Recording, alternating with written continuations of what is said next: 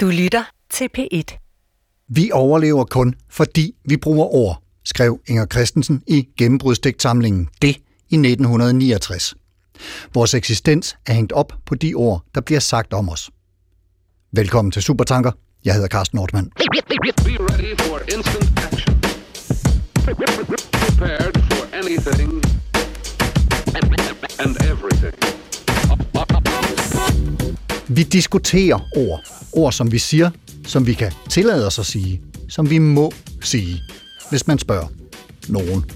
For de ord, vi siger til og om hinanden, kan være stærke og ramme hårdt, så det gør ondt. Så ondt, at vores identitet, vores eksistens, kan føles truet af dem. Fordi rigtig mange ord indeholder så meget mere end det, de måske umiddelbart beskriver. Ofte følger der en historisk flodbølge af medbetydninger og associationer med, når vi benytter visse ord. Ord, som vi kan synes, vi bruger nok så uskyldigt og beskrivende, snarere end udgrænsende eller ligefrem mobbende, men som alligevel får den effekt på modtageren. Med filosofen Judith Butler kan man sige, at vi er i ordernes vold, og at ordene udøver vold på os, når det går for sig på måder, hvor nogen bliver udpeget som værende det ene eller det andet. Men det afføder så også diskussioner om, hvad hvem har sagt hvornår, og om han eller hun kunne tillade sig det, og om vi skal aflyse et foredrag med vedkommende, eller måske ligefrem fyre dem. Eller om vi er nogle krænkelsesparate woke mimoser, der bare skal lære at være i virkeligheden. Reality bites, baby. Vent dig til det. Tone Grosen Dandanel, filosof og filosofilærer på Testrup Højskole. Velkommen til dig. Mange tak. Hvad er det værste, du er blevet kaldt, altså hvor et ord og det, det bærer med sig, har såret dig? Åh, det er svært lige sådan at sige, hvad det værste, men jeg kan huske sådan det første gang, hvor et ord for alvor rammer mig og sårer mig, og det var, da jeg meget præcist, altså i tredje klasse bliver kaldt kælling af en ude på legepladsen. Altså det, det, det, det, det, det slog mig simpelthen sådan nærmest tilbage. Altså øh, det gjorde ondt. Ja. ja. I tredje klasse, det er også øh, hårde sager. Jamen, jeg prøvede det siden også. Ja. Silas Marker, også filosof og forsker på Center for Information og Boblestudier, det der bliver kaldt for SIPS. Velkommen til dig. Tak for det. Hvad er det værste, du er blevet kaldt, altså hvor, hvor du og, og det, der bærer med sig, har såret dig hårdt? Jamen, det bringer mig også tilbage til folkeskolens tidlige klasser, hvor jeg blev kaldt for æggehoved. Og i dag tror jeg ikke, jeg vil tage så meget på vej over øh, folk, der kommenterer formen på mit hoved, eller hvad de synes formen var, men dengang, der har gjort det ondt. Tone Grosen Dandanel, jeg nævnte Judith Butler i øh, indledningen og titlen på en bog af hende, øh, og det gør fordi den netop er blevet øh, oversat til dansk. Den hedder Ordenes Vold. Mm. Vil du fortælle lidt om, hvad, hvad det er for en bog, og, og også lige kort om, hvem Judith Butler er? Ja, det vil jeg. Jamen, altså, Judith Butler, hun er en amerikansk filosof og øh, kønsteoretiker, som har haft enorm betydning for øh, ikke mindst feminismen, men også det, vi kender som øh, queer-teorien. Øhm, og hun skal vi sige, er, er nok mest kendt for det værk, der hedder Gender Trouble, eller på dansk Kønsballade, der udkom i 1990, øh, skarpt efterfulgt i 1993, og det værk, der hedder øh, Bodies That Matter, altså kroppe af betydning. Og det er nok de værker, som hun sådan er mest kendt for. Øhm, det er sådan nogle, der altid bliver trukket frem, når vi taler øh, kønsidentitet og, og ja, seksualitet i nogen udstrækning. Ja, og også krænkelsesparathed. Ikke? Ja. Altså, øh, hun er lige frem, og den bog er lige frem blevet beskyldt for at være skyld i sådan noget som Trump, fordi hun efter sine i det her værk ligesom skulle øh, lægge op til, at der ikke er nogen virkelig virkelighed, at der ikke er nogen biologi, men at alt bare er sociale konstruktioner. Men men det er ikke, det er ikke hendes øh, påstand, og det er heller ikke det, den her bog, Ordenes Vold, handler om. Altså, men en, en kongstanke for hende er, at vi ikke har et umiddelbart forhold til, hvad vi skulle kalde virkeligheden eller biologien, at vi altid kommer til den med en, en kulturel forforståelse, ikke? Altså, fordi vi er altså kulturelle væsener, så, så vi ser jo på biologien med, med den kultur, vi er indlejret øh, i, og i de sociale diskurser, som vi er formet af. Øhm, så, så det er lige lidt om hende, men i det her værk, Ordenes Vold, så er det ikke så meget sådan, hvad skal vi sige, kønnet eller kroppen som sådan, hun kigger på, det er sådan øh, tilblivelseskarakter, men snarere, øh, hvad sproget er, og hvad sproget det gør. Øhm, men alligevel så har hun så den samme, um, igen samme tænkning på spil som i de to forrige værker, og, og hun er ikke mindst inspireret faktisk af, af den filosof, der hedder Simone de Beauvoir, som jo øhm, også har haft enorm betydning, ikke mindst for, fjerde, øh, hvad hedder det, for anden bølge feminisme. Fransk øhm, kvinde fra fransk, midten af 2000 Ja, ja, lige præcis, og øh, forfatter til ikke mindst værket Det andet køn fra 1949, hvor i, og det er især det, som, som ligesom sætter Butler i gang, altså hvor i Beauvoir skriver, man fødes ikke som kvinde, men bliver det. Altså at, at kønnet og kroppen har en tilblivelseskarakter, at det ikke bare er, hvad skal vi sige, køn på forhånd, eller at vi bare er suveræne subjekter på forhånd, men at vores subjektivitet er noget, der ligesom bliver til. Ikke? Og gennem sproget så, ja, øh, er gennem sproget. det, vi skal frem til. Øh, Lige præcis, og Ordenes Vold, altså et værk, hvor hun specifikt ser på, hvordan vi bliver til i kraft af sproget, ikke? og hvad sprogets, det man vil kalde performative karakter, fungerer. Ja. Silas Marker, øh, også filosof, du kender også øh, denne her bog, Ordenes Vold, og dens forfatter, og så er du selv øh, medforfatter til bogen Os og Dem, som du har skrevet sammen med filosofiprofessor og centerleder Vincent Hendricks. Her hen over sommeren er der foregået en debat om brugen af visse ord i visse sammenhænge, samtidig med, at øh, universitetsfolk rundt om i verden bliver enten fyret eller får deres foredrag aflyst. Øh, elementer af det, vi samtidig hører omtalt som identitetspolitik. Øh, og, og, og det, vi skal prøve i den her udsendelse, det er jo at koble sprog og identitetspolitik, sådan, så det giver nogenlunde mening øh, for os alle sammen. Kan du lige lægge ud med at give os øh, identitetspolitik for begyndere? ja, ja, for nogen der bliver det jo et synonym med fyringer af professorer, eller det bliver et skældsord for en politik, der er mindre vigtig end den rigtige politik, fordi identitetspolitikken bare er bare er en narcissisme og folk, der fokuserer på sig selv, eller er krænkelsesparat, eller hvad det nu kunne være. Men jeg tror, hvis man skulle betragte det mere savligt set, så er der to forståelser af identitetspolitik. Der er en snæver betydning og en bred betydning. Hvis vi skal tage den snævre først, så er identitetspolitik en strategi på venstrefløjen, især i USA i 70'erne, hvor man decentrerer arbejderklassen som det øh, politiske subjekt, altså dem, der sådan skal, dem man kæmper for, eller dem, der kæmper for at drive historien fremad. Og man fokuserer på mere på minoriteter, minoriserede grupper, undertrykte grupper af folk, der er øh, marginaliseret eller undertrykte på baggrund af deres køn, eller deres race eller seksualitet. I en mere bred betydning, der er identitetspolitik et felt. Der er identitetspolitik et politisk felt på linje med økonomisk politik, eller klimapolitik, eller hvad vi nu har af forskellige politikker, men hvor politikken tager udgangspunkt i identiteten. Altså, og det, og der, ved, der er det også typisk, at man kæmper for nogen, der er undertrykte, eller øh, minoriseret, eller øh, marginaliseret.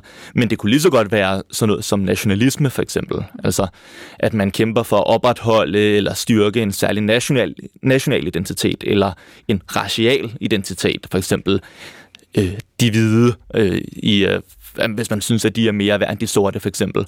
Så betragtet som et felt kan identitetspolitik både være højreorienteret og venstreorienteret, og er i, virke, er i virkeligheden bare en påstand om, at identitet betyder noget i politik. Og, og det bliver netop til den her lynhurtigt, eller det gør det i hvert fald øh, ofte desværre, opdeling i, at der er os, og så er der de andre, øh, som ikke er ligesom os, eller hvad?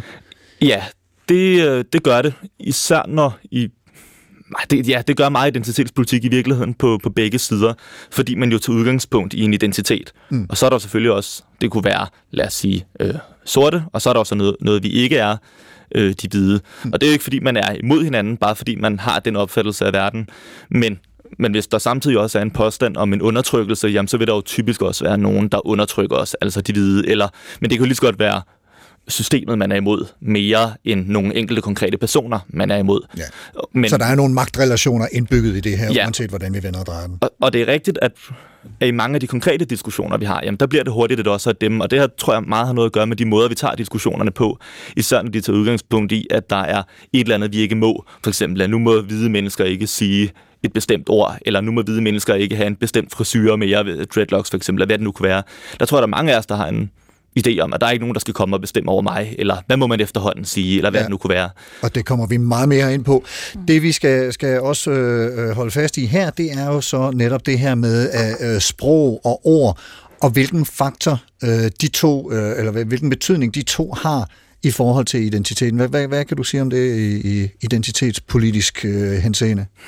Jamen, at sproget øh, har altså spiller en stor rolle i identitetspolitik. Altså, jeg i den bog du refererer til før, der øh, der betragter jeg sproget som simpelthen en øh, en dimension ved identitetspolitikken, eller i hvert fald øh, diskussionen om, øh, hvad man må sige, altså hvad, øh, og ordenes øh, ordenes vold, øh, som vi skal snakke om, ikke? altså mm. hvilken kraft og hvilken magt ordene har. Der er i hvert fald en, en opfattelse i meget venstreorienteret identitetspolitik, øh, er der i hvert fald meget udtrykt opfattelse derom, at øh, ja, at sproget øh, også handler, og sproget også gør ting, og sproget har en magt, og det ikke bare er en, øh, en neutral levering af information. Men hvis man lige kigger lidt efter, så har du den samme opfattelse i meget højere højreorienteret identitetspolitik. Altså, hvem var det, der gik rigtig meget op i, at øh, øh, det her, den her Eskimo-sag for eksempel, altså, jamen det var jo altså, især folk, der gerne ville bevare, at den hed Eskimo-is. Mm. Det var jo ikke, altså det var jo folk, øh, ikke kun på højrefløjen, men især folk på højrefløjen, der gik rigtig meget op i,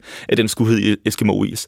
Så fokuset på ord og på sprog har du ikke kun i venstreorienteret identitetspolitik, og på venstrefløjen, der har du også på højrefløjen. Mm.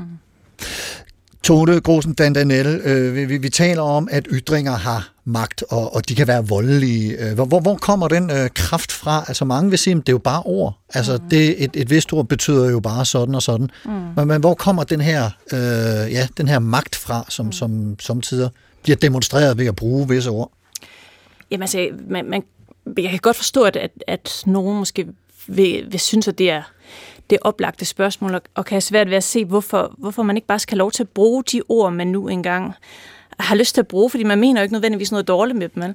Men, men en sådan forestilling, ikke? Altså, jeg, jeg, jeg, bruger bare det, jeg beskriver bare virkeligheden, tager ligesom udgangspunkt i en forestilling om, at at man har et, et umiddelbart forhold til sproget, og også et, et suveræn, en suveræn omgang med sproget. Ikke? At man selv ligesom kan, kan være herre over det. Ikke? Men det, som, som vi skal tale om med Butler her, det er, at, at øh, sproget er ikke... Jeg, jeg til, jeg, sproget tilhører ikke mig. Ikke? At sproget er...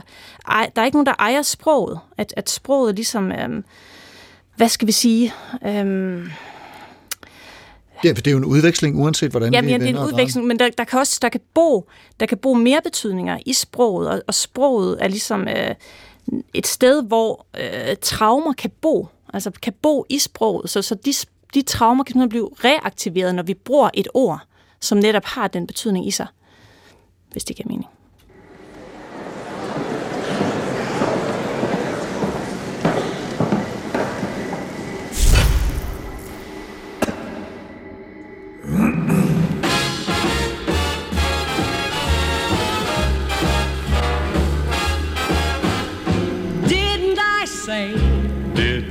Say?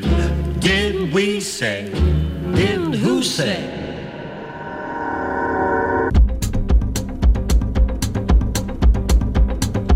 Man omtaler samtidig sommerferieperioden som pressens agurketid. Det vil sige den periode, hvor der sker så lidt i landet, og måske i verden, at nyhedsmediernes bedste bud på interessante historier er agurkehøsten. Sådan vil sommeren 2020 næppe blive husket. En sommer, hvor covid-19-pandemien stadig rasede. Der var raceoptøjer i USA i kølvandet på drabet på George Floyd. Identitetspolitik på alle områder fulgte i kølvandet på racisme-diskussionerne. En dansk isproducent ændrede navnet på en ispind og pludselig diskuterede alle ordet Eskimo. Og pludselig flød det rundt med ord som woke og identitetspolitik, krænkelseskultur og cancel culture. Den 6. juli læste jeg et Twitter-opslag fra filosof, psykologiprofessor og generelt samfundsdebattør Svend Brinkmann, og jeg citerer. En af verdens bedst kendte psykologer, Steven Pinker, er nu offer for cancel-kulturen, der helt grundløst anklager ham for racisme.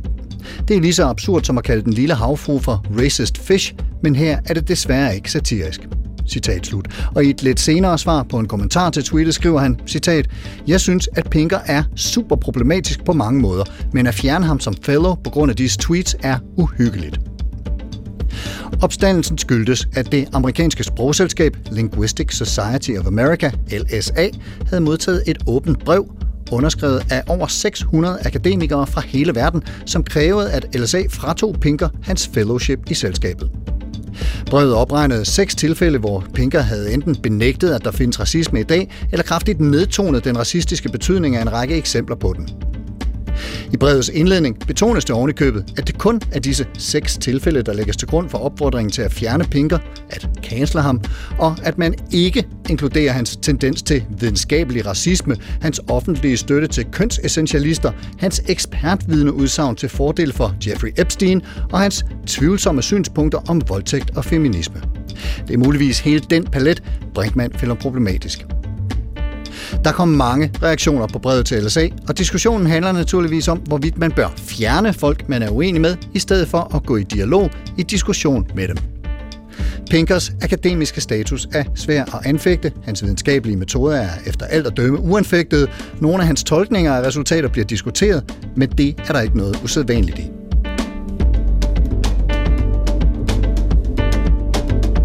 Den 7. juli, altså dagen efter, trykte Harper's Magazine, USA's ældste månedsblad om, hvad der rører sig i den offentlige samtale, et nyt åbent brev, underskrevet af 150 intellektuelle, blandt andre Noam Chomsky, Malcolm Gladwell, Margaret Atwood, Steven Pinker, J.K. Rowling og Salman Rushdie. Brevet indleder med en sympatierklæring til det igangværende opbrud i såvel USA som store dele af den øvrige verden. Citat. Omfattende protester for raceligestilling og social retfærdighed har skabt et pres for længe tiltrængte reformer og generelle krav om større lighed og inklusion i vores samfund, ikke mindst i den akademiske verden, i journalistik og i kunstverdenen. Hvorefter dets egentlige ærne bliver formuleret således, citat. Den frie udveksling af informationer og idéer, som udgør selve hjerteblodet i et liberalt samfund, bliver dag for dag udsat for nye indskrænkninger. Fra den radikale højrefløj kunne man ikke vente sig andet, men et nyt censurklima breder sig nu til store dele af vores kulturliv. En dømmesyge over for afvigende synspunkter, en iver for offentlig udskamning og udstødelse af det gode selskab, og en tilbøjelighed til at ville opløse komplicerede politiske spørgsmål i blændende moralske vidsheder. Alt for ofte lyder der i dag krav om hurtige og hårdhændede reaktioner mod ytringer og tanker, der opleves som grænseoverskridende. Vejen til at besejre dårlige idéer går gennem eksponering, modargumentation og overtagelse. Ikke ved at forsøge på at tige dem ihjel eller ved at ønske dem væk. Vi afviser alle falske valg mellem retfærdighed og frihed, som ikke kan eksistere uden hinanden. En uge senere eksploderede de danske avisspalter, sociale medier og iskiosker i diskussion om ordet Eskimo. Eskimo. Eskimo.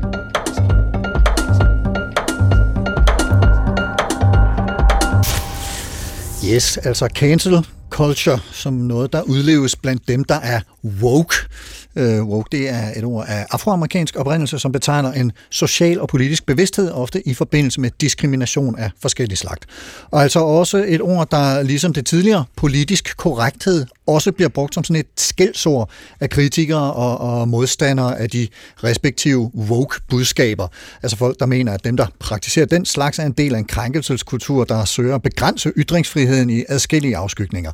Så altså alt det her er jo ord, som vi bruger til at betegne noget, nogen andre er, eller nogen andre gør. Og igen, Silas, opstår der jo, øh, som vi også har talt om for et øjeblik siden, et, et os og et dem øh, her. Ofte mellem faktisk to sider af det politiske øh, spektrum, altså højre og venstre, og, og, og de ord der, woke, krænkelse, cancel osv., osv., er, er, er noget, som de venstreorienterede i anførselstegn ofte beskyldes for at være eller at praktisere. Hvad, hvad er det for en øh, mekanisme, der træder i kraft der? Ja, det er jo interessant, at jeg lige med undtagelse af Vogue, så er begreber som cancel culture, call-out culture, øh, PC culture, altså political correctness culture, og øh, øh, hvad hedder det, krænkelseskultur osv., nogle ord, der er opfundet af modstanderne, og så glider de ind i avisledere og fornuftige, øh, ellers fornuftige radioprogrammer og den slags, som nogle ting, der skulle eksistere objektivt ude i verden. Det svarer nok lidt til, hvis man Øh, to, lad os sige, øh, de, nogle, en venstreorienteret anklage om, at dem, der bor op nord for København, øh, at de er nogle rige svin. Og så overtog journalister ligesom det, og, og brugte det som, en, som noget, der en objektiv beskrivelse af verden. Noget, jeg har lagt mærke til ved de her ord, er, det, det her kulturbegreb. Altså man tager ligesom krænkelse, eller man tager call-out, og så knytter man kultur på det. Og det bliver simpelthen måde, en måde at leve på. Ja, ikke? Og du, så etablerer du en kontinuitet mellem forskellige sager, altså ja. en, en forbindelseslinje mellem nogen, der bliver fyret, og nogen, altså professorer, der bliver fyret, ikke? eller nogen, der bliver kritiseret i offentligheden, eller nogen, der, øh, eller noget, som en is ikke længere må hedde, eller hvad det nu kunne være. Altså man får ligesom man får, tegn, man får connect, connected the dots, altså ligesom på de der tegninger, hvor man skal slutte fra nummer 1 til nummer 2 til nummer 3, og så ja, får man et samlet ja. billede til sidst. Så når man, altså, cancel og call-out osv. er jo nogle midler, der bliver brugt, altså for eksempel til at stille nogen til, til ansvar. Det er jo noget, vi har, noget, som man bruger både på højrefløjen og på venstrefløjen, men når man gør det til en kultur, så gør du det til en tendens i tiden, en sygdom, noget vi skal forsvare os imod. Og i virkeligheden også en, en, en kultur, som forhindrer det, som det her Harper-brev øh, advokerer for, nemlig den åbne, frie debat, hvor mm. modstridende synspunkter mødes og diskutere eller øh, kives om, øh, hvad, hvad der er af aspekter i, i de respektive holdninger. Det er rigtigt, ja, men ja. du får skabt et fjendebillede altså, af ja. alle mulige, der skulle være en del af det her, også selvom de ikke nødvendigvis har noget med hinanden at gøre. Og i sidste ende, jamen, så stopper det jo diskussionen, fordi det bare bliver et, ja, et fjendebillede. Det bliver et dem, som vi kan være imod. Ja, men, men, men der er jo det her, øh, som, som er en del af det, at, at, at nogen bliver stødt over at blive eller være forhindret i at bruge visse ord. Hvorfor må jeg ikke sige sådan og sådan? Det er jo bare øh, tone. Mm. Jamen, jeg kommer bare til at tænke på, at det her også har rigtig meget med nydelse at gøre øh, i en vis forstand. Det er som om, at, at når man kalder nogen krænkelsesparat, så er man også ude på at udpege en nydelse hos den, der så er krænkelsesparat. Ikke? At man ligesom sådan, åh, gør sig selv til et offer, som jeg også siger. Ikke? Altså, men, men der er også men, helt... det er lækkert krænket. Ja, men det er det, man gerne vil udstille. Man vil gerne ja. udpege den andens nydelse ved at føle sig krænket. Ikke? Ja. Men det er jo lige så let at, at udpege den nydelse, der ligger hos den, der så kalder den anden krænket. Ikke? Altså, og den nydelse, der ligger i sådan at, at se mig, jeg ligger sgu ikke under for politisk korrekthed, jeg. Altså, den der, der, der består en kæmpe nydelse i at bruge et ord som eskimo, når man ikke må. Det er sådan skadefryd i virkeligheden? Ja, ja, men det er sådan, det er sådan en, en måde at vise, at man ligesom, øh, der er ingen bånd, der binder mig. Nej. Ikke? Altså. Silas, du markerer. Ja, jeg tror noget af det, der understreger, hvorfor det er et politisk begreb, og ikke en objektiv beskrivelse af verden, som den bare ligger derude og medierer sig til os. Øh, er en sag, jeg kommer til at tænke på, mens jeg står og snakker her, øh, nemlig den sag, der var omkring SAS-reklamen der i starten af i år, lang tid ja. før coronakrisen, hvor SAS lavede en reklame, hvor de sagde, what is truly Scandinavian? Uh, nothing. Uh, det var der en masse uh, højorienterede, der var ude og, uh, og, protestere, og protestere imod, og der var endda mange, der opfordrede til boykot af SAS, uh, fordi SAS skal ikke gå og sprede den slags fædrelandsfjendtlige budskaber i, uh, til en international offentlighed. Og de var altså ude at kritisere SAS og opfordre til at cancel SAS, kunne man sige. Og det blev ikke i hvert fald, blev det, hvis det er sket, så har det været meget sjældent omtalt som en krænkelseskultur eller en cancel culture. Selvom hvis det var nogle venstreorienterede, eller feminister, antiracister, LGBT-aktivister osv., der har gjort det, jamen så var det blevet set som endnu et eksempel på den her om alt om sig gribende øh, krænkelseskultur og cancel culture. Mm. Altså, øh, hvis jeg må tilføje en ting til det der, øh, jeg læste et interessant indlæg af Michael Jalving, tror jeg, som var en af dem, der øh, der kritiserede salgsreklamen, og som så var blevet kaldt for krænket. Jeg tror, det var af Cepos. Øh, og så sagde han, nej, man er der, jeg er da ikke krænket. Man er ikke krænket, bare fordi man kritiserer noget i offentligheden. Og jeg, jeg kunne ikke være mere enig, men øh, det skal man også bare huske så, tror jeg, ja. når, når vi har de her krænkelsesdebatter. Tit handler det om en politisk øh, uenighed, eller nogen, der vil stille nogle andre til ansvar. Det handler ikke nødvendigvis om, at nogen er krænket.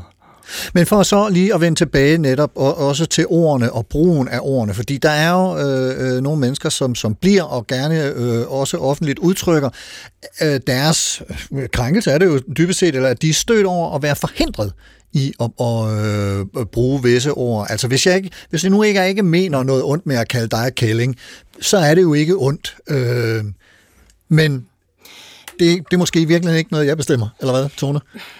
Nej, det er det ikke, altså som, som Sila sagde, før vi gik på. Altså det, det, lidt ligesom en lussing, ikke? Altså det kan godt være, at hvis jeg giver dig en lussing, så var min, lidt, lidt sygt eksempel måske, måske var min intention ikke, at, at, at, det skulle gøre ondt på dig, men det er jo sådan set ikke herre over, vel? Altså, øh, hvorvidt det gør, det gør det nok, hvis jeg giver dig en lussing. Altså, men noget af det, man godt kunne savne hos nogle af dem, der, der er så, øh, skulle lyst til at sige, krænket ikke over, det ikke må sige det, det vil, det er, en, en større interesse i, hvorfor er det, at ord de kan sove, og hvordan er det, de gør det. Altså sådan, altså, altså en refleksion over det, fordi det, vi ser jo, at ord kan sove, og det kender øh, mange kritikerne jo nok også godt selv, men altså, det er jo netop det, Judy Butter ønsker i den her bog, ikke? altså at spørge til, hvor får ytringer deres kraft fra? Det er jo helt vildt, at, at ord kan gå ind i, i kroppe og såre os, og at det oftest er at dem, vi tænker på, når vi tænker på det, der har såret os mest, og ikke nødvendigvis en losing. Mm. Silas? Ja, jeg tror også, man må, man må skælne mellem, at ja, der er nogen, der, hmm, der finder en nydelse i at udpege de krænkede. Men for mange, der måske ikke er så meget inde i de her diskussioner, så er det jo også en tabserfaring, ja. når man når der er ord, du har måttet sige hele dit liv, som du er opvokset med, som værende neutrale, men som du lige pludselig ikke må sige mere. Eller når der er måder, du før har måttet feste på, som du ikke må feste på mere osv. Og det, det er jo et, altså, det opleves jo som et tab af frihed, eller et tab af udfoldelsesmuligheder. Så kan man tilføje, at der, så er der nogle nye ting, du må sige osv. Men alt andet lige bliver det oplevet på den måde, og det tror jeg, man skal være opmærksom på, at ting, der er strukturelt frigørende, altså hvis vi gennem sproget kan skabe mere lighed, kan godt være individuelt begrænsende.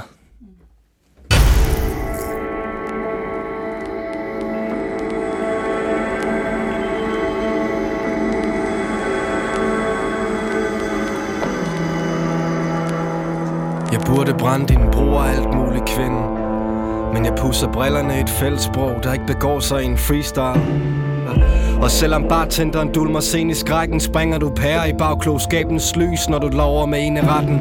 Så du igen siger, jeg ser spøgelser Maler fanden på væggen for at se det falde. Jeg synes, jeg svinger blinde stokken i et fremmed land Hvor ingen hører mig kalde. Jeg vil gerne have en kartoffel mere. Vil du række dem til mig? En sætning, som rigtig mange af os formentlig har ytret mere end én gang i vores liv. En sætning, der falder ind under definitionen af en talehandling. I udsagnet ligger nemlig ikke kun beskrivelsen af noget, men også at noget sker, udføres, handles. Man får ragt skålen med kartofler. Det er den engelske sprogprofessor John Langshaw Austin, der i 1950'erne udviklede teorien om talehandlinger, de såkaldte performative ytringer, det vil sige udsagn, som også er en handling i det øjeblik, de bliver sagt.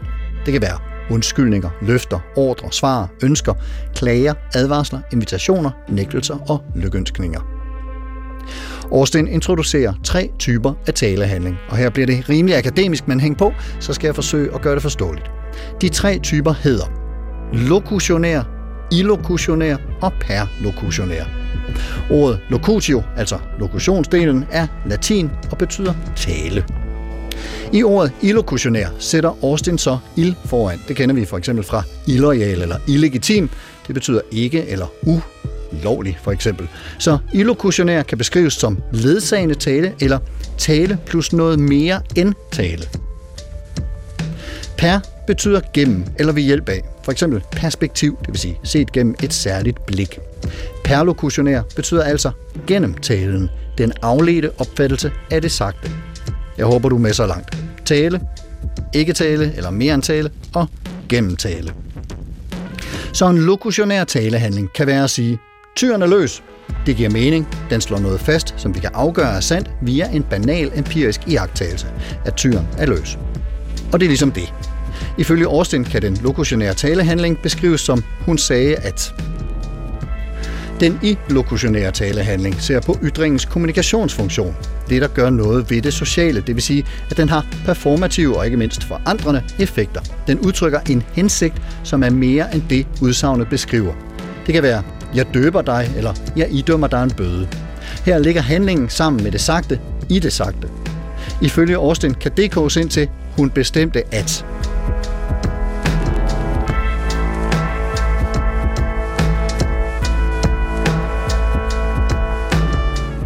I den perlokutionære talehandling har vi at gøre med den virkning, udsagnet har på modtageren af det.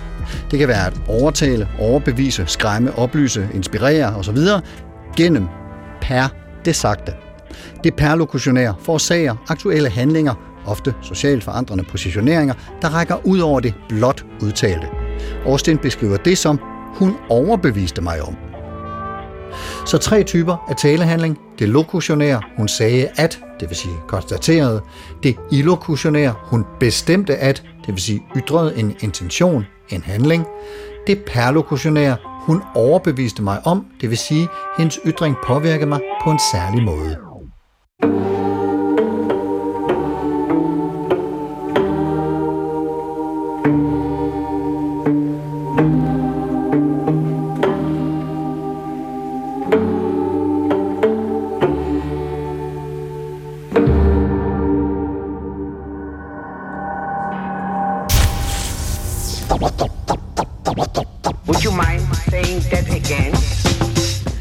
Du lytter til Supertanker på P1. Programmet i dag handler om de ord, vi siger om og til hinanden.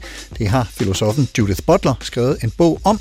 Det er der mange, der har skrevet bøger om øh, i tidens løb, men i dag er det altså Butlers bog, vi kigger lidt i, for den net, fordi den netop er blevet oversat til dansk, og også fordi den lander lige ned i de identitetspolitiske diskussioner og kampe, der foregår for øjeblikket, både om race, køn, seksualitet, religion og hvad vi ellers måtte have af identitetsprojekter i blandt os.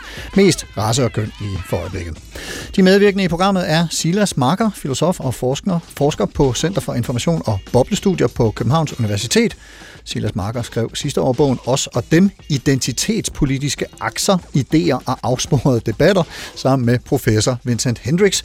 Og så er det Tone Grosen Dandanel, som også er filosof og underviser i filosofi på Testrup Højskole. Og nu skal vi så have øh, perspektiveret nogle af de her øh, udviklinger ved hjælp af lidt mere øh, filosofi og idehistorie, og, og øh, vi kan måske tage øh, udgangspunkt i her Austin, som vi lige øh, hørte om, for fordi det trækker os nemlig lidt over i titlen på Butlers bog, Ordenes Vold, mm. og en diskussion af forskellen mellem den fysiske og den sproglige vold, og så også noget af det her med afsender, modtager, øh, udsigelsespositioner og, og så videre, og så videre.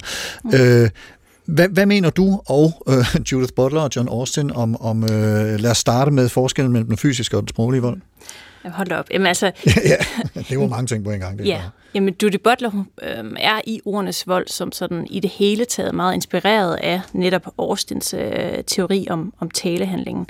Øhm, man kan sige, øh, mange er i det hele taget blevet inspireret af ham, og flere har også set i hans sådan... Øh, øh, altså konklusion af, at, at, at tale altid er handling på en eller anden måde, og i, på forskellige måder, men i, i, i en eller anden øh, grad er der flere, der ligesom har konkluderet, at, at, at, at så kan man sammenligne, altså man kan sammenligne øh, for eksempel øh, hadtale med fysisk vold. Ikke? Øh, hvad hedder det, forfatteren Sarah Palin, Sarah Salen skriver et sted, at at der kun er forskel om en grad og ikke en type imellem sproglig vold, og for eksempel det at slå nogen eller at kaste en mursten igennem deres vindue. Ikke? Øhm, og for Butler er, er, er det af, øh, afgjort rigtigt, at tale altid er handling, men ikke, men, men det er også vigtigt for at sige, at det er en sammenligning. Ikke? Tale er ikke handling på samme måde som et slag er en handling. Altså, og grunden til, at det er vigtigt for hende alligevel at påpege, at der taler om en sammenligning og ikke en identifikation, det er, at hun netop ønsker at, at øh, slå fast, at vi ikke er suveræne subjekter. Altså når jeg slår dig igen, altså jeg ved ikke lige, hvorfor jeg bliver ved med at sige det, vel, men, men så er det mig, der gør det, ikke? Altså, ja. det, det, det er klart, men hvis vi begynder at tænke på tale på samme måde, så, så tænker vi også på det som om, at, at der er en helt klar intention, ikke? og en, et helt klart sub, øh, subjekt, et, et, et identificerbart subjekt, som så er skyld i den tale.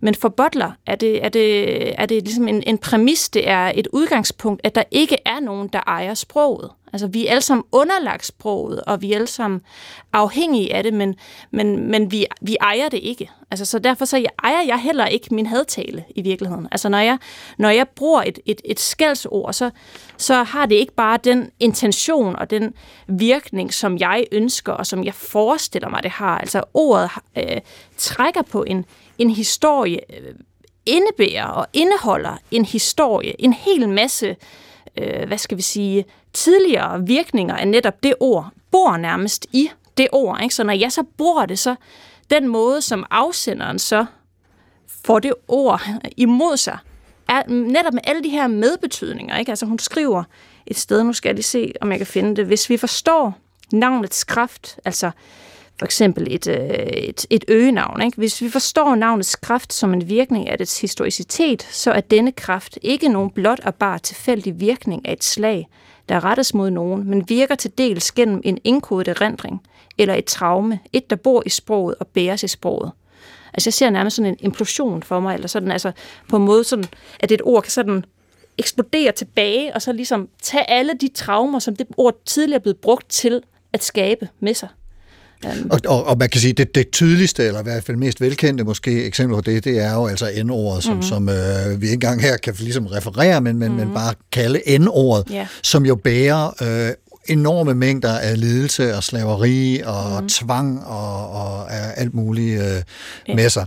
Øh, men men, men det, det, du, det, du taler om her, det er jo mm. netop det, som, som jeg også forsøgte at, at, at dreje ind på, det her med udsigelsespositioner, med mm. at der er en afsender, og der er en modtager, og sproget er en udveksling af information, eller svar, eller ordre, mm. eller ønsker, eller hvad ved jeg, mm. og at der altid er en modtager, som kan høre noget andet end det afsenderen, øh, subjektet, øh, i virkeligheden har, har intention Afsenderen, om. Ja. øh, til, altså, afsender af, ejer ikke sin egen tale. Nej, Altså det, det er ligesom den illusion, som, øh, som hele den her krænkelses, eller hvad det vi kalder krænkelsesdebat, den, den, den, den forudsætter, at, at, at der er en, en, en klar ejer, ejer af sproget, og det er der ikke, vil at sige. Og, og hvordan tapper det så, altså det Butler siger her, øh, og med Austin øh, i, i bagagen, for dig at se ind i de øh, identitetspolitiske kampe, der bliver udkæmpet for øjeblikket? Hvad, hvad er deres øh, virkning ind i det? Silas, du markerer.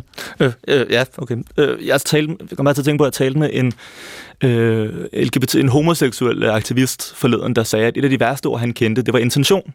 Og så tænkte jeg, nej, det var da et specielt ord at bringe op som et af de værste ord, man kendte. Men det var altså, fordi han var meget aktiv i de her debatter, og konstant fik at vide, at øh, hvis nogen har sagt en, øh, en, jo, en homofobisk joke, øh, og han pointerede det, jamen, så, sagde, så sagde vedkommende, der har sagt joken, at Nå, men det var jo ikke min... Det, det, var- jeg mente det jo ikke homofobisk, det var bare for sjov. Det var ikke min Det var intention ikke min at støde intention dig eller såre dig. Ja, ja. Og hvor han så, ja, Judy Butlers pointe, som I snakker om før, jo er, at når intentionen forsvinder jo her, altså det er, det, eller det er i hvert fald ikke vigtigt, når vi kigger på, hvilken effekt en uh, talehandling har. Og, øh, og, og, det, og det, det, kan man, jo, det kan man finde mange steder. Jeg tænker også på den debat, vi havde sidste år med Halfdan, Halfdan Rasmussens øhm, øh, bøger, eller nogle af hans digte, Og der, nogle af de der godnatsange. Ja, der Blev, som øh, blev beskyldt for at være racistiske, hvor den ene side sagde, nej, men de var ikke racistiske, fordi Halfdan Rasmussen var ikke racist. Han var humanist og venstreorienteret og progressiv og antiracist. Han var ikke racist, og ergo er digtene det heller ikke. Hvor den anden side så sagde, som vi snakker om nu her, nej, det handler ikke om Halfdan Rasmussens intentioner. Det handler om, hvilken effekt de har, og de kan jo godt ændres over tid, og det har de måske ikke engang gjort, men det er i hvert fald det er i hvert fald det, vi skal fokusere på, når vi diskuterer øh, ord, og når vi diskuterer talehandlinger. Ikke hvad har afsenderen ment, men hvilken, øh, hvilken effekt har de. Og, og der opstår jo sådan nogle, øh, hvad skal man sige, sådan nogle magthierarkier i, hvem der bruger hvilke ord, hvornår, for øh, på et eller andet måde at tage, øh, om ikke andet så magten over samtalen i hvert fald, øh, samtidig også magten over de samtalepartnere, man, man eventuelt øh, måtte have med sig. Øh, og, og, og, og her kan den måske øh, allestedsnærværende fristes jeg til at sige, Michel Foucault øh, hjælper os lidt med, med, med, med, med, hvad det er for nogle magtspil, øh, der, der kommer i, i, i, ja, i spil her. Og så øh, også hans, øh, sådan cirka samtidig, hvis ikke jeg husker meget galt, Jacques Derrida, en anden fransk øh, tænker, øh, kan måske gå ind og, og hjælpe os med det her med, med subjektet, som, som øh, udsiger eller, eller modtager. Hvad, hvad vil deres pointer være øh, i, øh, i den her diskussion om magt og, og subjekter? ja, der er nogle store handelefanter, du hiver op, Karsten. Ja. øh, øh, altså, ja, det er jo svært at opsummere i, i sådan overskrifter, men noget relevant for den her samtale, tror jeg, at hvis vi kigger på Foucault, så vender han sig væk fra den suveræne magt. Altså, magt er i høj grad ikke noget, man har, altså noget, som nogen enkelt person ligger inde med, men noget, der eksisterer i samfundet, for eksempel gennem institutioner og strukturer. Og det er jo så også det, der har dannet grobund for, at vi i dag kan tale om en, en institutionel racisme eller sexisme og en strukturel racisme. Ikke? Altså nogle ord, der, der ligesom øh, flyver gennem, øh, flyver gennem luften tit i debatterne. Men det, Fordi det, der er magt i systemet der er og i strukturerne. systemerne, ja, og her er sproget en del af den magt, altså en del ja. af den magt udøvelse eller øh, magt, øh, energi, der er i samfundet, den eksisterer gennem sproget. Så magten er lidt apropos det med intentionerne, ikke noget, som jeg har, eller nogen enkelt person har, men øh, noget, der eksisterer mellem os og eksisterer gennem institutioner, og i virkeligheden også er med til at forme os som mennesker eller som subjekter. Ikke? Altså magten er øh, ikke bare begrænsende, magten siger ikke bare, du må ikke det her. Den, øh, den, den er også produktiv, kan man sige. Den former os på en, en, en, en særlig måde, kan man sige. Mm.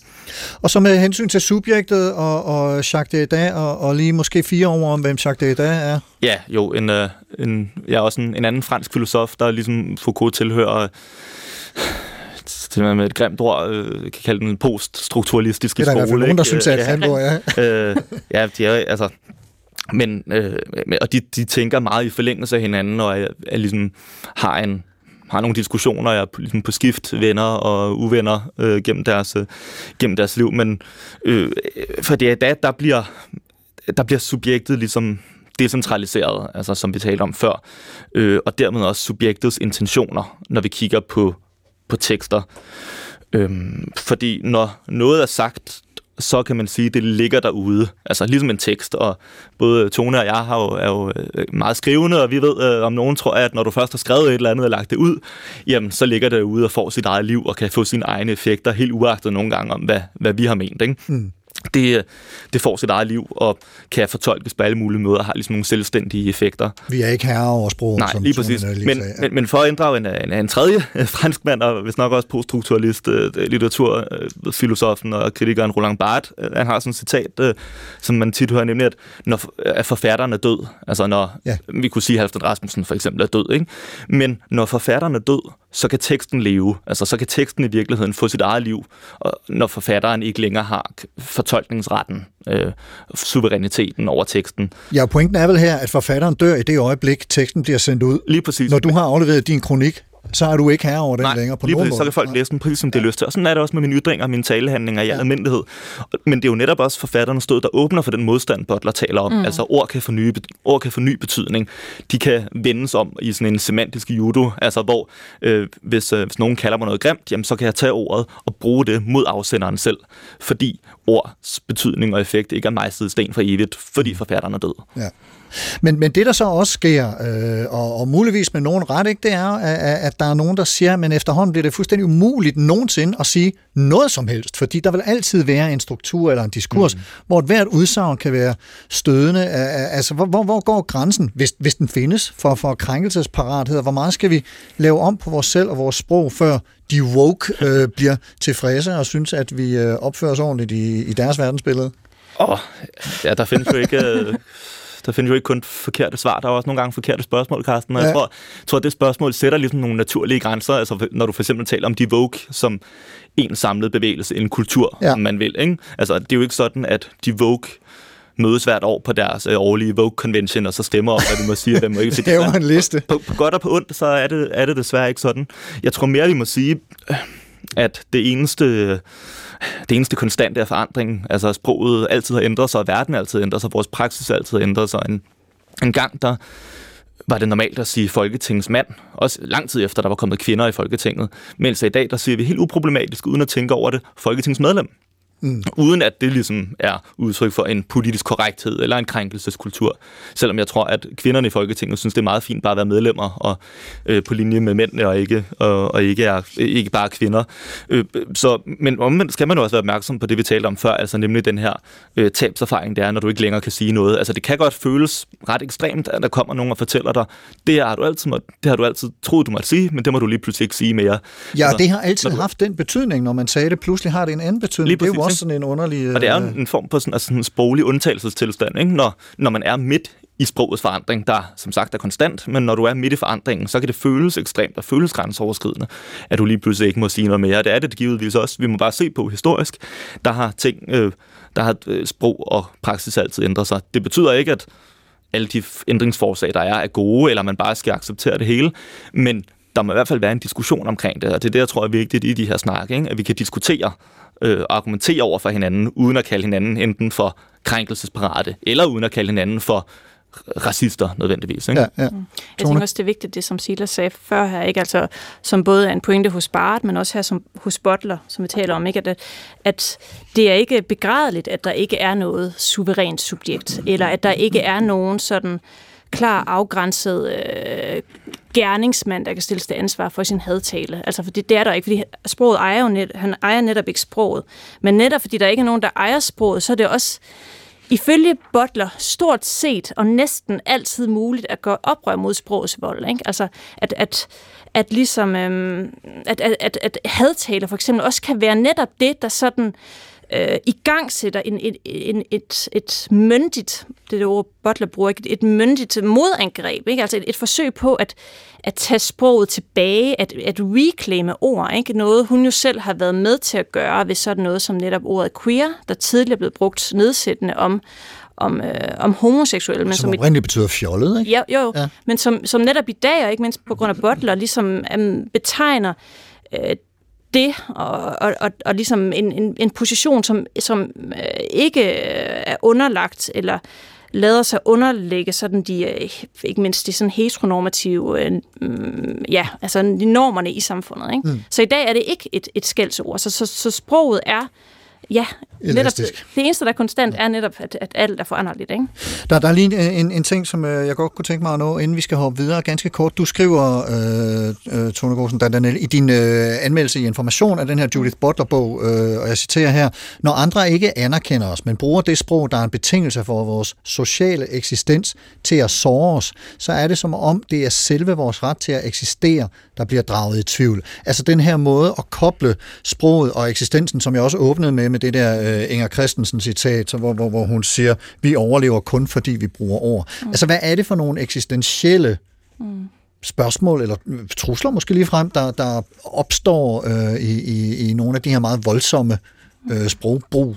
Ja, det er noget, det jeg godt kan lide ved den her bog, Ordenes Vold, det er ligesom, at, at, at hun, øh, hun viser, hvor, hvor, hvor fundamentalt sårende ord kan være, ikke? at de netop berører vores eksistens, vores, vores følelse af sådan eksistensberettigelse, fordi at vi kun eksisterer, vores sociale eksistens er afhængig af sproget. Ikke? Altså jeg kom jo ikke bare til verden som, som, som en pige, for eksempel. Vel? Jeg blev tildelt det køn ved fødslerne. Se, det er en pige. Ikke? Altså på den måde er jeg jo totalt øh, øh, underlagt sproget. Så, så når nogen de bruger de ord, som, som jeg jo selv øh, nødvendigvis må gøre brug af, til at forstå mig selv, og til at, at, at ligesom få en identitet, en social identitet. Når de bruger dem imod mig, så er det sådan, altså vi er helt dernede, hvor det virkelig kan føles som sådan en, en, en eksistentiel sådan lede, eller sådan, øhm, øh, at, at man er i eksistentiel fare. Altså, øhm, ja. At, og, og det, jeg bliver nødt til lige at gribe fat i den, du lige sagde med, at øh, det blev en pige, øh, fordi mm. der vil nogen jo sige, øh, ja, fordi det kan man se på, på det her lille menneskes mm. biologi. Mm. Øh, mm. Og, og jeg er godt klar over det at åbne mm. en kæmpe diskussion, men, men, men er der en kort måde lige at, at, at sige, hvorfor den her udråbning af, det Ja. er en pige, er vigtig i den her sammenhæng? Ja, altså det, det som Judith Butler med filosofen Louis Althusser kalder en interpellation, ikke? at vi bliver ligesom anråbt af sproget. Det kan godt være, at, at vi siger, okay, pige, det vil bare sige, at, at der er nogle biologiske øh, kønskarakteristika, det, vil, det, der det er bare det, vi mener med det, men, men i, altså, det vi mener kulturelt med, at, at en person er en pige, at jeg er en kvinde, der er jo en hel masse medbetydninger med, ikke? Altså, hurtigt også en farve, man så helst skal have på, lyserød, ikke? En masse forventninger til, hvordan en sociale eksistens, den ligesom skal forløbe, ikke? Det, det er jo det, man får med i dåbsgave der, eller i fødselsgave i virkeligheden. Og det er jo for netop nogle af de øh, meget, meget sådan voldsomme identitetspolitiske diskussioner, der, der foregår i dag. Ja.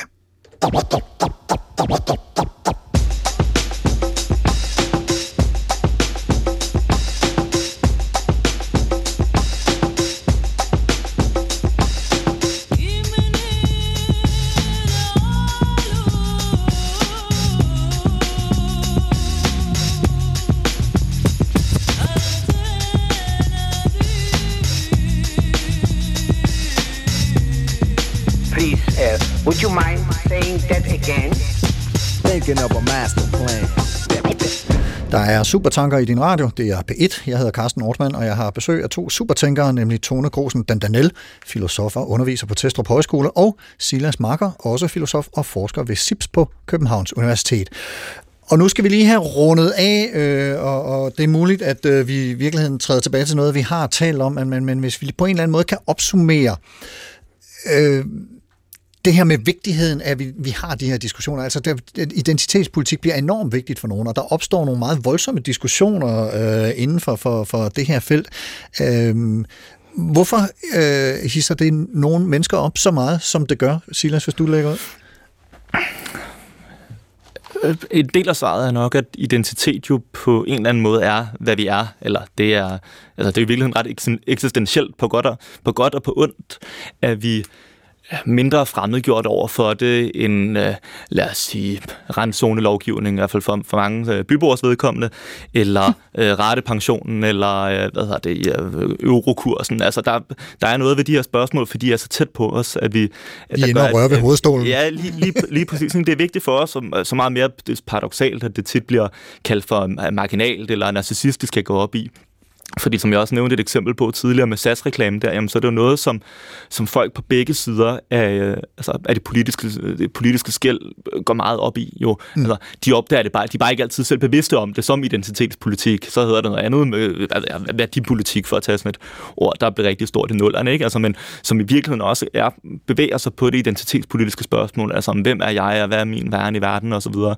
Og så er den anden årsag er nok, at at den måde, vi tit tager de identitetspolitiske diskussioner på, især i Danmark, men også andre steder, er, at det starter med, at nu må du ikke noget. Altså nu der, øh, nu der, eller nu der er endnu noget nyt, ja. du ikke må, du ikke må sige. Nej, nu må du sørge med stoppe det der. Lige præcis. Ja. Ikke? Altså, og de, tit er diskussionerne jo meget mere dybdegående, og, eller meget mere nuanceret og kompliceret end det, altså, som vi virkelig også har udfoldet meget godt her nu i, i dit program i dag, Carsten. Ja, ja. Ikke? Altså, men, men, men når det, på den måde, det foregår på i medierne, og jo især på sociale medier, der er det meget i overskriftsformat. Ikke? Øh, nu er det krænkende at sige det her, nu er det krænkende at gøre det her, ikke? selvom det måske virkelig er mere kompliceret. Men så kan man bare ikke fortænke folk i, at tænke, at der er ikke nogen, der skal komme og bestemme over mig. Altså, mm. så bliver det på en måde også en... Hmm, den, øh, så ser vi på en måde den politisk ukorrekte identitet. Altså, det bliver en identitet at være imod, eller man finder en nydelse i at at være politisk ukorrekt og tørvandre, nu er begyndt at tige, eller ja, ja, ja. altså at sige, øh, jamen jeg, jeg er jo heller ikke så politisk korrekt, eller sådan. Ikke? Det bliver også en altså, man kan sige, tegne, satiretegning af krisen var jo et, et, et, et klasseeksempel på lige præcis det. Nå, nu må man ikke det her, mm. så nu gør vi det. Lige præcis. Ikke? Altså, ja. så identitetspolitik kan man sige, aktiverer folk på, altså på alle ja. sider. De er bare ikke altid lige bevidste om det. Det er også sådan som om, at i gamle dage, så talte man måske om vejret, når man ikke vidste, hvad man skulle tale om. Men nu er det ligesom blevet, altså, åh, alle de krænkede. Ikke? Mm. Det, det, er ligesom også blevet, jeg tror også, man taler så meget om det, fordi det er en måde ligesom at socialisere med. Ikke? Altså, nu må man heller ikke sige det der. Ikke? Så kan man ligesom starte, det ved jeg ikke, onkelens fødselsdag på, på en hyggelig måde, eller sådan. Altså, ja.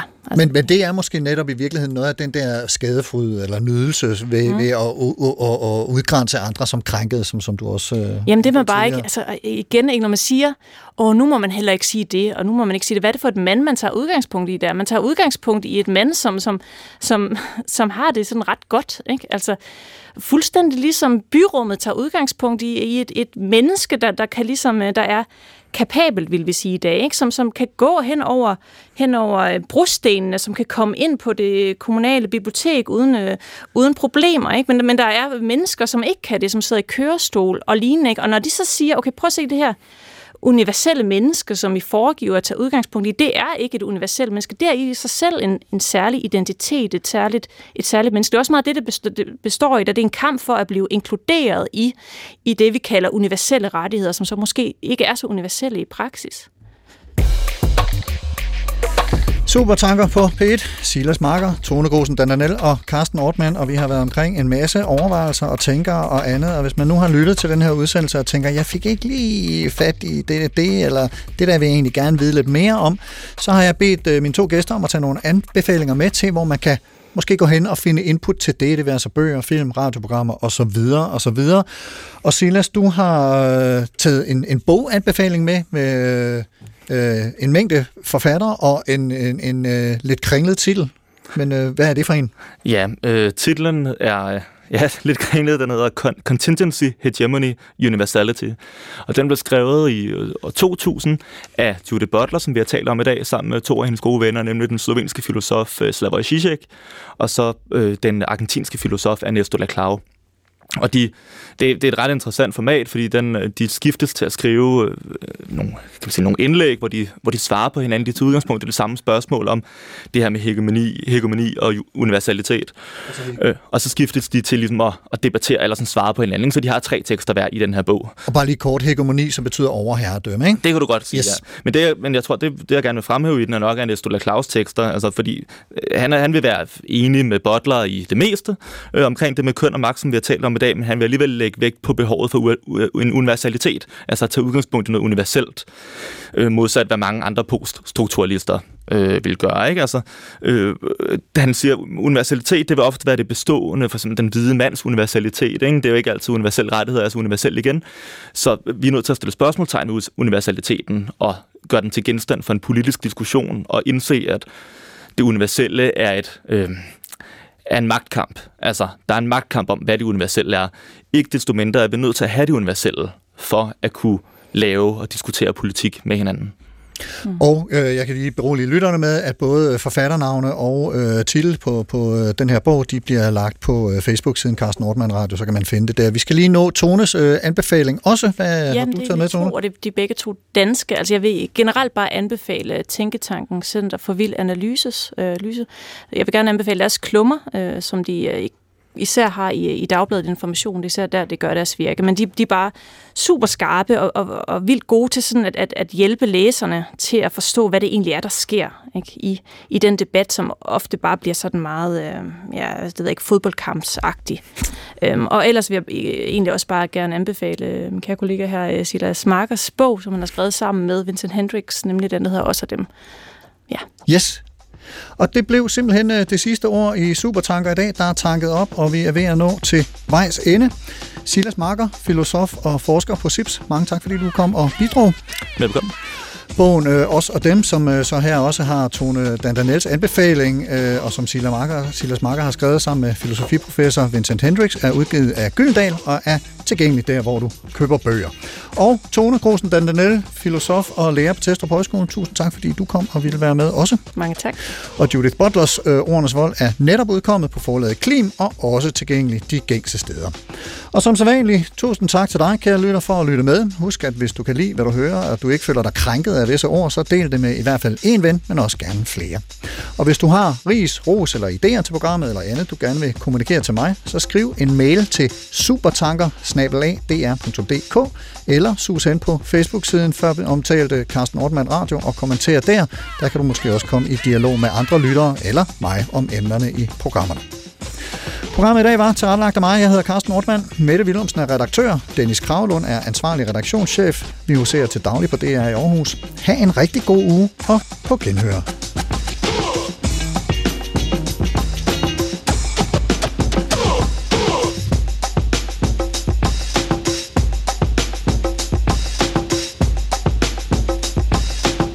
Thinking of a master plan. Du kan høre flere P1-podcasts i DR's radio-app. Det giver mening.